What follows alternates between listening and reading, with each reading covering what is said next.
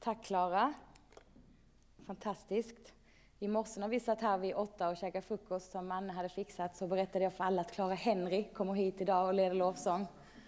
Och ja, en del av er skrattar för en del av er vet att hon är en känd Youtube-artist. Eh, eh, men nej, nej, nej Sanne, det är inte hon. Det är Clara Nursey, men det var ännu bättre. Så jag är väldigt glad att inte Clara Henry är här och leder lovsång. Eller ja, jag vet inte. Men så kan det vara. Ehm.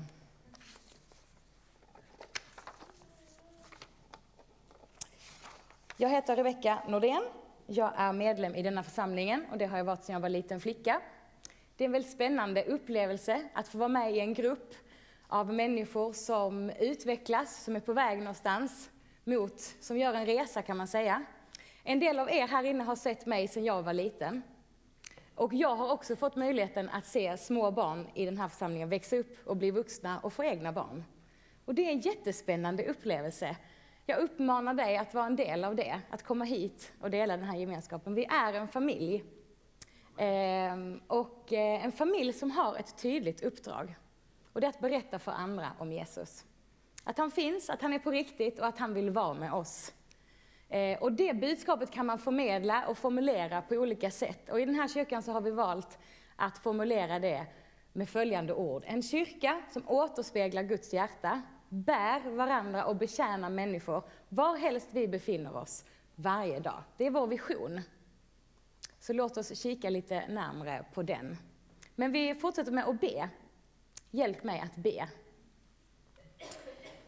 Tack Jesus för att du är nummer ett. Du är anledningen till att vi är här. Och om vi är få eller vi är många spelar absolut ingen roll. För du är den största guden och du vill oss väl här idag. Oavsett om vi är många eller vi är få. Så tack för alla som är här idag, som har sökt sig hit och som vill vara här för att få kanske ännu mer förstå vem du är och vad du vill säga till oss. Så Jesus, jag ber för den här stunden att det ska få bli en stund av stillhet, men också en stund som lite får riva upp någonting i oss på ett positivt sätt.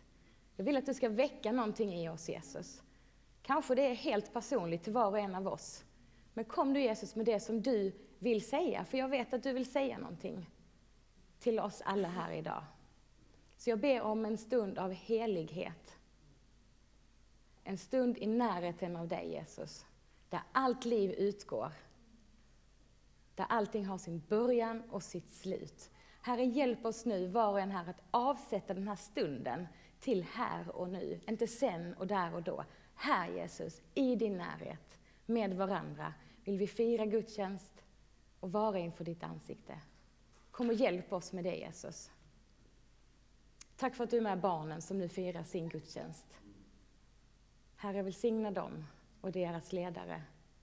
Tack för det som sker i deras hjärtan. Och tack för att det har evighetsvärde. Amen. Är ni vakna? Behöver ni röra på er innan vi kör igång? Jag har en timme, två framför mig här nu.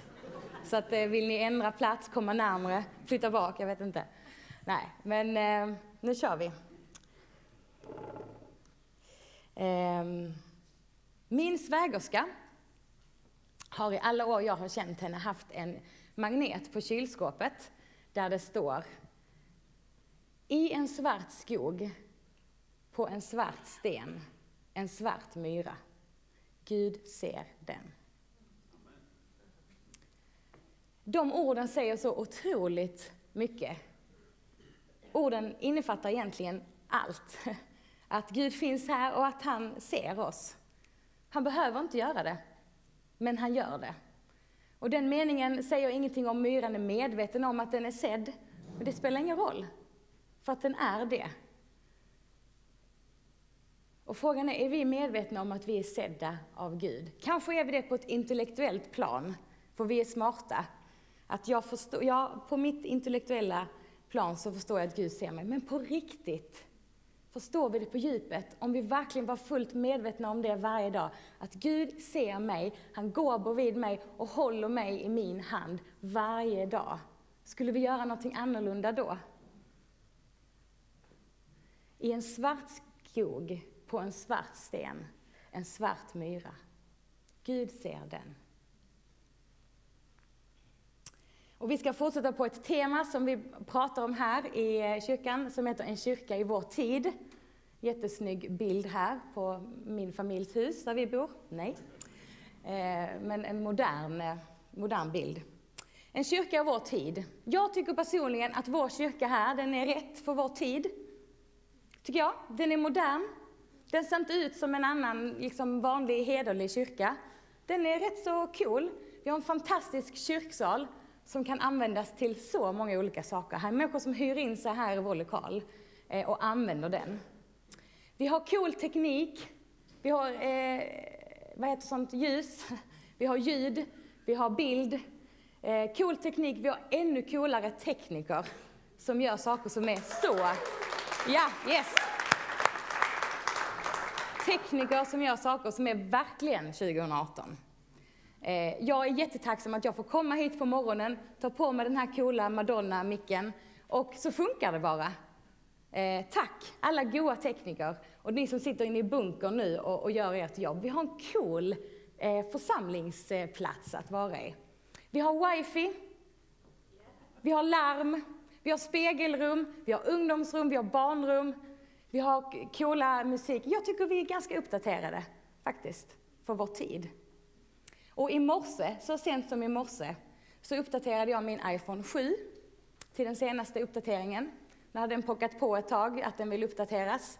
Eh, så då gjorde jag det. Jag vet inte riktigt vad den uppdateringen innebar faktiskt, men jag fick några nya smileys och någon app såg lite annorlunda ut, så jag har uppdaterat den också. Är du uppdaterad till den senaste uppdateringen? Det tänker jag är en fråga som man borde kunna svara på. Ganska viktig fråga. Vi har saker som vi uppdaterar. Datorn, musiksystemet, bilen ska ibland uppdateras och synka med telefon och grejer. Är du uppdaterad till din senaste version? Eller när gjorde du senast din uppdatering? Det är en viktig fråga. Och hur gör man det? Hur uppdaterar man oss? Eller lever du kvar i en gammal version av dig själv? Kanske du lever med en bild av dig själv som någon annan har gett dig. Någon annan har talat om, för så här är ju du, du kommer ju aldrig liksom komma vidare. Du är sån här, det här kommer du aldrig få förlåtelse för. Lever du i den bilden? I en gammal version av dig själv? Eller är du uppdaterad till den senaste uppdateringen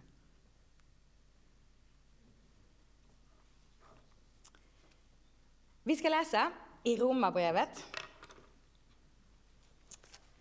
eh, kapitel 12 och vers 2. Det står så här, anpassa er inte efter denna världen, utan låt er förvandlas genom förnyelsen av era tankar, så att ni kan avgöra vad som är Guds vilja, det som är gott, behagar honom och är fullkomligt. Det finns uppdatering, mina vänner. Har ni hängt med? Eh, har du uppdaterat dig? Eller är det kanske till och med så att det finns någon här inne som säger, nej men jag är sån här. This is me. Gillar det eller inte. Kanske någon av er känner igen. Eh, men Gud har så mycket kvar som han vill lära oss och visa oss. Det finns så mycket mer att ta emot och så mycket mer att uppdatera i våra liv. Att vi ska få förnya våra tankar, vi ska bli förvandlade. En annan kille i Bibeln som skrev brev, han heter Petrus, han har skrivit bland annat två brev. Och han har skrivit de breven till människor som har eh, mött Jesus, men sen har eh, flyttat och bor på olika ställen i världen och lever olika liv, precis som du och jag gör. Och han skriver så här i andra Petrusbrevet, eh, från vers 2. Så står det så här, nåd och frid åt er i allt rikare mått genom kunskap om Gud och Jesus vår Herre. Det finns alltså nåd och frid att få, mer nåd och mer frid att få från Gud själv. Hur får vi fatt i det? Det står, jag har precis läst det. Genom kunskap om Gud så får vi mer nåd och mer frid. Och så läser vi vidare här. Ty allt som leder till liv och gudsfruktan har hans gudomliga makt skänkt oss genom kunskapen om honom, som i sin härlighet och kraft har kallat oss. Han har gett oss sina stora och dyrbara löften. Bibeln är full av löften. Saker som Gud lovar oss, som ingen annan människa kan lova dig och mig. Han lovar oss evigt liv. Han lovar att vara med oss varje dag, alla dagar tills vi dör. Han lovar oss upprättelse, han lovar oss läkedom och så vidare och så vidare. Ehm, han har gett oss sina stora och dyrbara löften för att ni, tack vare dem, ska bli delaktiga av gudomlig natur sedan ni kommit undan det fördärv som begäret drar med sig i denna värld. Det är väldigt mycket 2018. Begäret drar med sig i denna värld. Och nu så kommer en grej här. Sök därför med all iver. Stopp. Vad söker du efter med all iver i ditt liv?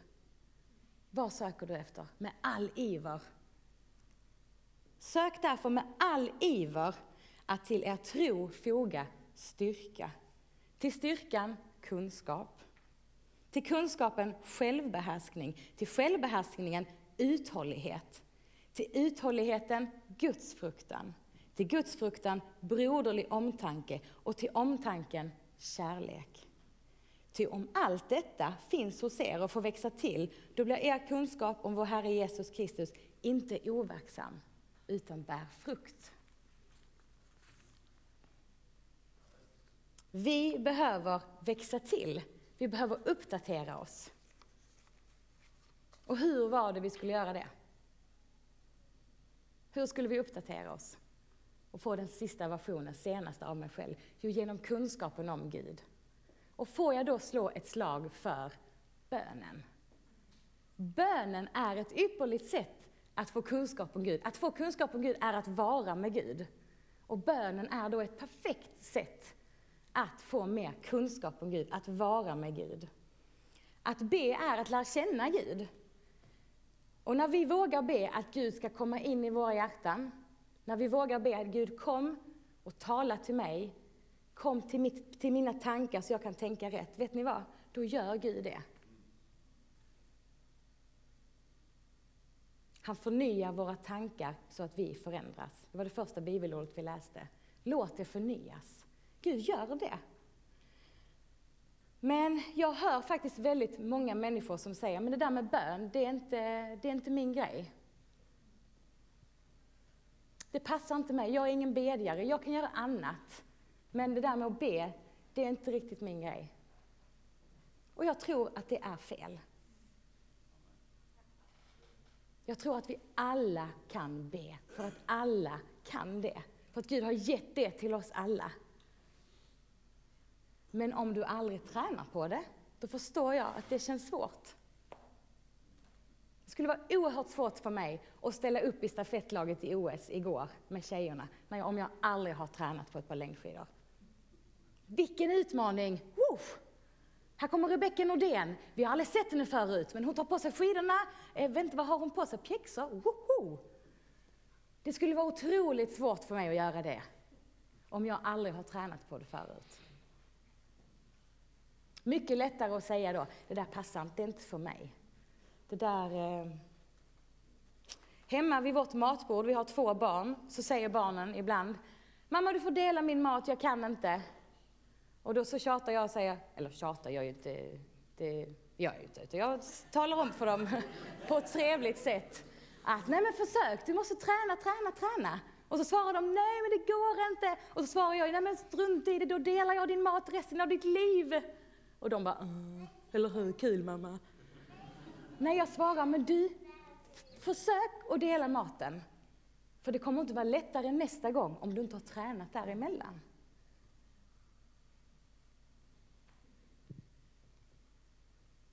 Ja, men det är bättre att de som kan be, ber och så gör jag något annat.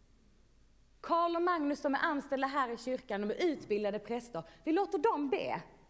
Att göra det enkelt, tycker jag. Jo, det är ett bra sätt. då får vi aldrig reda på vad Gud vill säga till just dig. Får vi aldrig veta hur Gud vill gripa in i ditt liv, vad han vill säga till dig, hur han vill förvandla och förändra dig. Det får vi aldrig reda på då, om vi bara ska låta någon annan be hela tiden. Bönen finns för oss alla. Bönen är vårt samtal med Gud. Och vi är alla barn inför Gud och vi är barn inför bönen. Men den finns där som ett fantastiskt redskap. Ta bönen och gör den till din. Gör det. Vi läser i Matteus 7 och 7.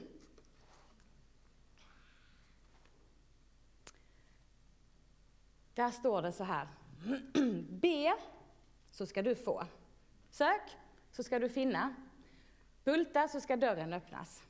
Ty den som ber han får, den som söker han finner och för den som bultar så öppnas dörren. Och så tänker ni, funkar detta verkligen? Och enda jag kan svara är, jag vet inte för ditt liv, men du måste prova. Prova själv, har du provat? Så här står det i Bibeln. Prova det. Ja, alltså, väldigt kloka saker, men jag kan inte klämma in mer i mitt liv. Jag orkar inte. Det är jobbet, det är plugget, det är barnen, det är barnens aktiviteter, det är min hemgrupp, det är min egen träning, det är Rögle, det är mina föräldrar, det är grannen som är sjuk och jag måste gå ner säkert fem kilo. Jag har inte, jag kan inte klämma in mer. Men vet ni vad? Gud ska inte in emellan de här sakerna krampaktigt hitta någon liten plats för att komma in emellan de här grejerna. Han är redan i dem. Han finns i din vardag, i dina saker som du tänker på. Han är där redan. Använd bönen, använd Gud, använd din senaste uppdatering till att uppdatera dina områden i livet. Till att göra dem fräscha, nya, få ny blick. Han är redan där. Han väntar på dig. Han väntar på att du ska komma till honom med allt det som du bär på. Förra eh, veckan så var Hans Weisbrott här och predikade.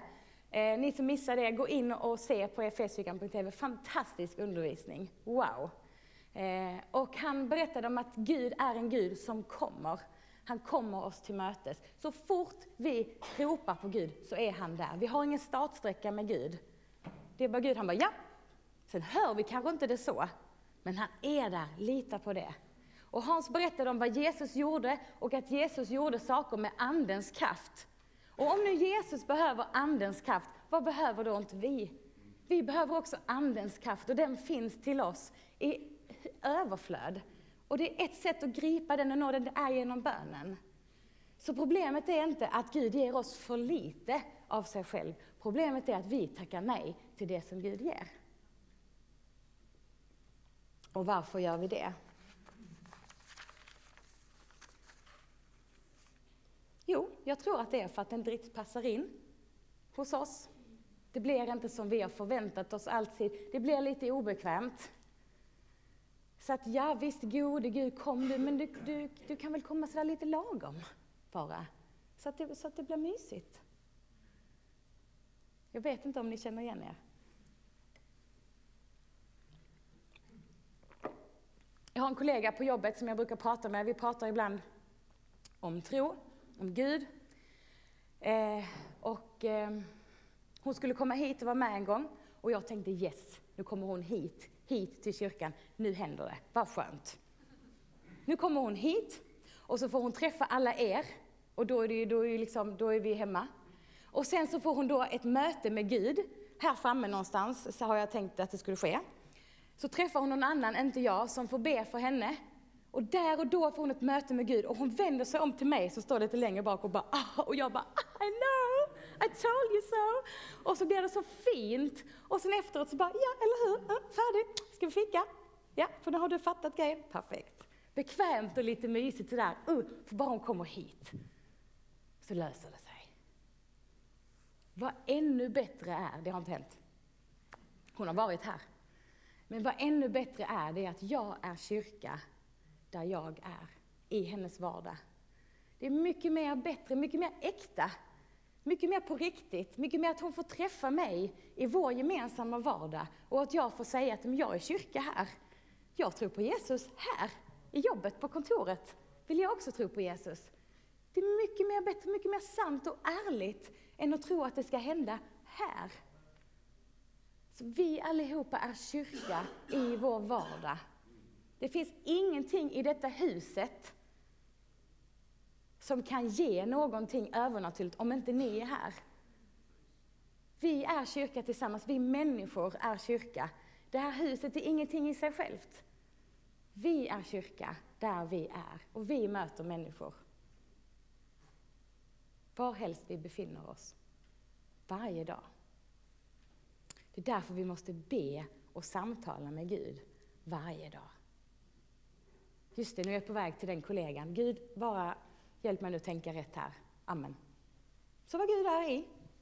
Inte att jag måste köra av motorvägen, avsätta liksom tre timmar där i kall bil och liksom nu ska jag be här, avsätta. Det är inte det. Han är redan där. Tala med honom.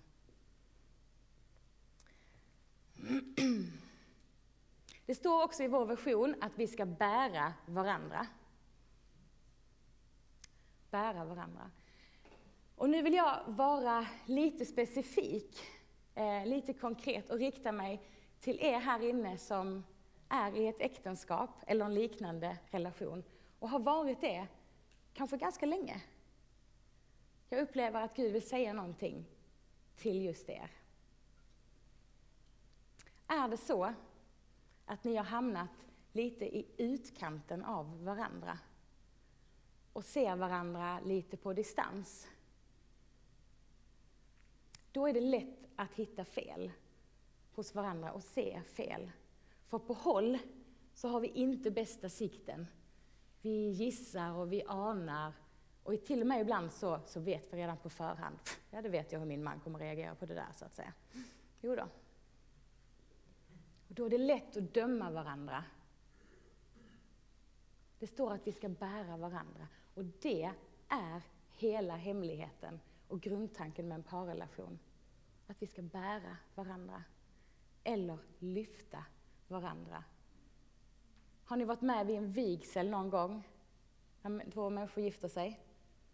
Har ni somnat? Har ni varit med vid en vigsel någon gång? Ja, tack. Då är det väldigt vanligt att prästen läser ett bibelord som lyder så här. Bär varandras bördor så uppfyller ni Kristi lag. Det är väldigt svårt att göra det på håll. Nu kommer den här in, alla har suttit och väntat. Det är svårt att bära här. Det är ganska svårt att bära på håll. Till sist blir det också ganska tungt när man ska... Så, jag, har, jag har det nu. Det är mycket, mycket lättare att bära här och bära nära. Vi måste komma nära varandra och bära varandra när vi måste lyssna, vi måste se varandra. Hej, jag ser dig idag. Har du sovit gott? Det har inte jag. Vi måste bära varandra nära, lyssna. Och vet ni vad? Alla nu tänker, skönt, det här gäller inte mig för jag har inte ett äktenskap. Det är fel. Det här gäller för alla. En kompisrelation, i ditt arbetslag, Gör du dina kollegor bättre? Lyfter du dem? Ger du din man förutsättning att vara en bra man till dig? Ger du dina föräldrar en möjlighet att vara förälder till dig? Lever du nära dem? Eller jobbar ni på det här sättet? Gud vill idag komma in och vara nära. Bära nära. Mycket, mycket lättare. Jag kan bära fler. Och till er som är i ett äktenskap, det äkta skapandet. Lyfter du din partner i vardagen? Gör du din fru till en bättre bilförare?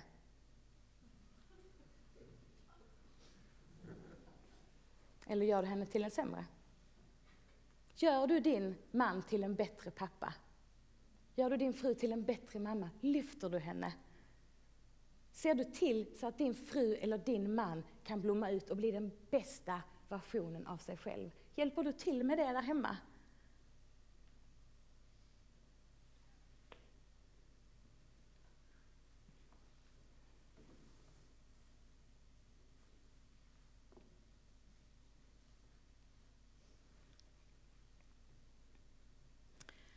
Det här gäller oss alla. Vi behöver bära nära. Det är laget före jaget. Ett lag spelar tillsammans. Någon passar, någon gör mål. Alla jublar när vi vinner. Vi förlorar tillsammans. Ett lag. Och så är också vi. Ett lag som ska bära varandra. Och vet ni vad? En hemlighet eller ett tips, jag vet inte, ta det som ni vill. Men om vi alltid sätter en annan människa framför oss själva, då kommer vi också först. Är det därför vi ska göra det? Nej. Vi ska göra det för att vi mår bäst av att finnas till för varandra. Det är så vi mår bäst. När vi grottar ner oss i oss själva, bara tänker, och jag och mina tankar, och vad har jag för rättigheter, hur känner jag idag, hur mår jag idag? Brr, det blir tyngre och tyngre att gå i den gyttjan. Jag, jag, jag. Vi ska leva för varandra. Vi ska lyfta varandra. Det är inte så att vi ska lägga till någonting, okej, okay, ska jag, nu har jag mina egna problem och sen ska jag då också bära dina. Nej, vi ska lyfta varandra för att det blir lättare att leva så. Vi ska skapa förutsättningar för varandra att ge glädje och sprida glädje. Då får jag också del av det. Vi ska lyfta, inte konka. Vi ska bära nära, inte här. Vi ska lyfta varandra.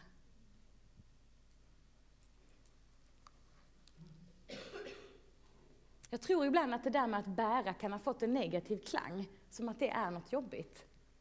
Men det är det inte. Inte om vi bär nära, inte om vi lyfter. Det har fått en felaktig klang. Det är något positivt att få vara med i ett lag som stöttar och hjälper och bär varandra.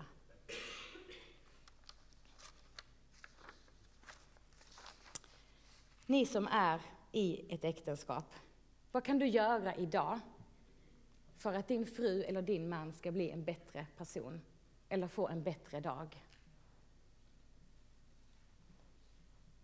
Kan det vara att börja med en enkel mening som säger Tack för att du tar hand om våra bilar.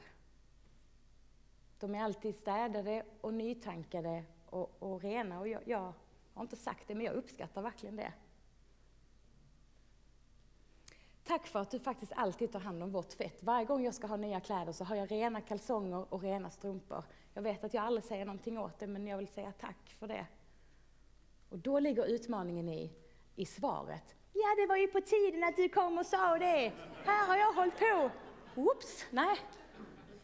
Då ligger utmaningen i att svara. Tack för att du säger det. Det gör mig glad.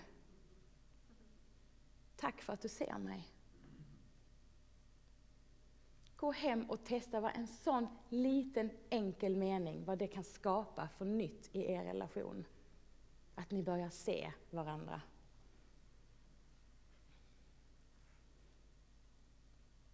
En kyrka i vår tid, vår tid som vi lever i har aldrig funnits förut. Varje dag är en ny dag, inga repriser. Och det är därför vi måste lyssna till vad Gud har att säga till oss varje dag. Vad har du för tankar för mig idag? Och det kan vi träna på. Precis som vi har pratat om. Vi kan bli bättre på att ta del av hans kraft. Han har övernaturliga krafter att ge till oss. De finns inom oss om vi vill ha det.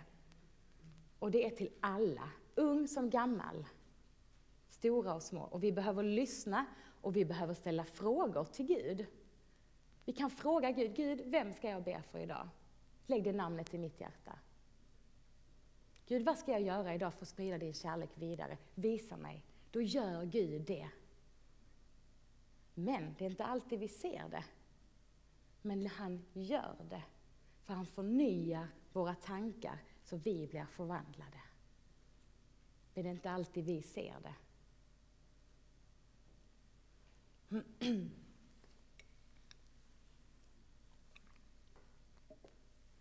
Jag vill bli lite personlig med er. Jag har vid ett flertal tillfällen besökt Rögle kloster. Det ligger i Södra Sandby. Där bor ett gäng nunnor på en vacker gammal Skånegård. Eh, och eh, har bön och arbete varje dag. Man har möjlighet att få komma dit och ta del av deras gemenskap, hjälpa till på gården och ta del i deras bönesamlingar. Första gången jag var där så kom jag dit, jag blev visad mitt rum och några minuter senare så var det tid för en eh, samling eh, i kapellet precis före kvällsmaten.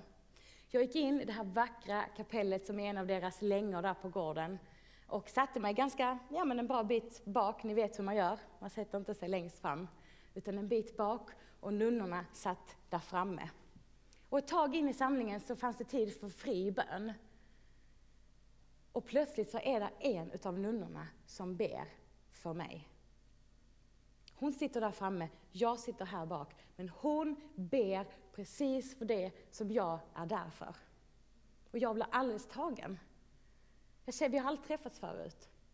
Dagen efter söker jag upp henne och ber om ett personligt samtal. Och när vi har pratat en stund så frågar jag henne, hur kan du veta vad, vad, jag, vad jag bär på?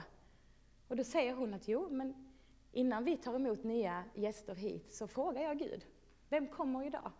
Och vad behöver de? Vad kan jag hjälpa till med Gud? Och då hade hon fått veta att det kommer en kvinna som bär på detta och hon behöver den här omsorgen. Och sen sa hon någonting till mig som jag nu vill ge till er. Hon sa att Gud ser dig. Gud ser oss. Han ser dina tankar.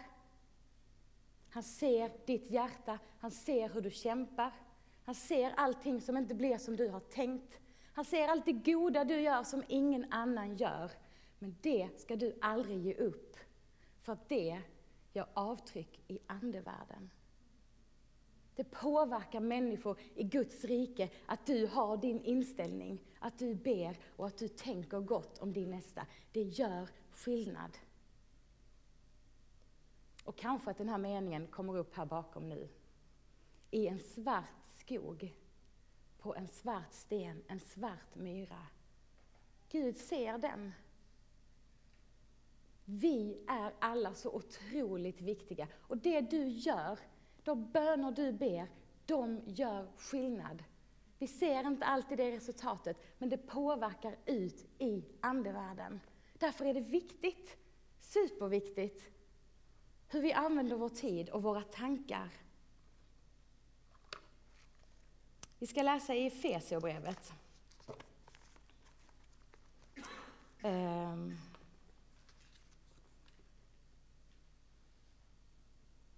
Efesierbrevet kapitel 6 och så läser jag från vers 12. Så står det så här. Ty det är inte mot varelser av kött och blod som vi har att kämpa, utan mot härskarna, mot makterna, mot herrarna över denna mörkrets värld, mot ondskans andekrafter i himlarymderna. Det är det vi har att kämpa mot. Men vi tror så lätt att vi ska kämpa mot människor. Och vi gör det, vi kämpar mot människor i vår vardag varje dag. Och jag stör mig på den personen, hon irriterar mig. Och jag lägger energi på det för att jag stör mig. Jag blir upprörd för att du gör si och du gör så. Och det kommer bara från den onde. Vet ni varför? Att förstöra relationer är så väldigt, väldigt effektivt sätt att bryta ner någon. Att förstöra relationer, också kopplat till ditt äktenskap, det är så effektivt för det förstör för så många. Och det gör så ont så länge. Så därför vill en onde tro att vi ska kämpa mot varandra. Och den som gör bäst, den vinner någon typ av vadå? Det är inte det vi kämpar mot, mot andra människor. Vi kämpar på någonting som är så mycket större. Men vi här, vi är på samma sida. Med alla våra olikheter och tokigheter. Vi är på samma sida och vi kämpar för människor, för alla Ängelholmare. Och i samma kapitel så fortsätter vi läsa. Ta därför på er Guds rustning, så att ni kan göra motstånd på den onda dagen och stå upprätt efter att ha fullgjort allt. Stå alltså fasta, spänn på er sanningen som bälte och klä er rättfärdighetens pansar och sätt som skor på era fötter villigheten att gå ut med budskapet om fred. Håll ständigt trons sköld framför er för den ska ni få den ondes alla brinnande pilar att slockna. Ett löfte. Och grip frälsningens hjälm och andens svärd, som är Guds ord. Och hur ska vi göra det? Jo, gör det under åkallan och bön. Och be i er ande varje stund.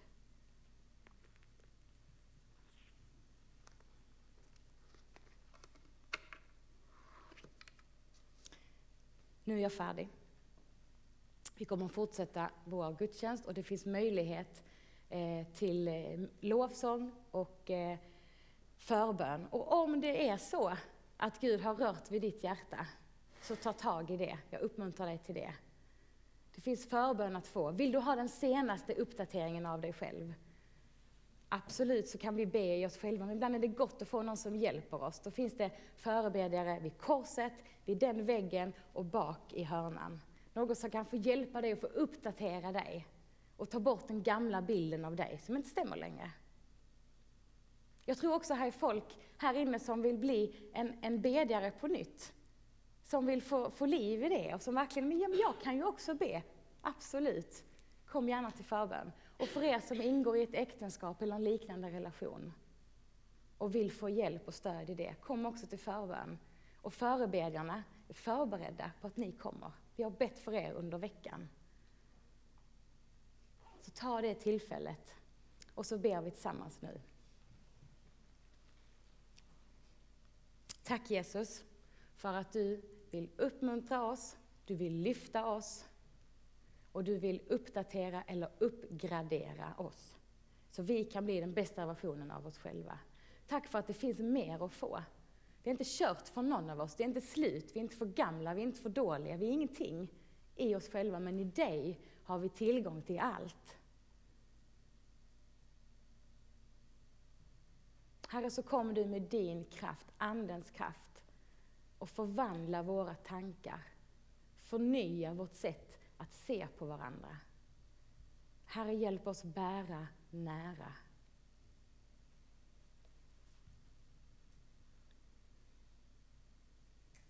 Herre, hjälp oss var och en att vara en kyrka i vår tid, där vi är. Amen.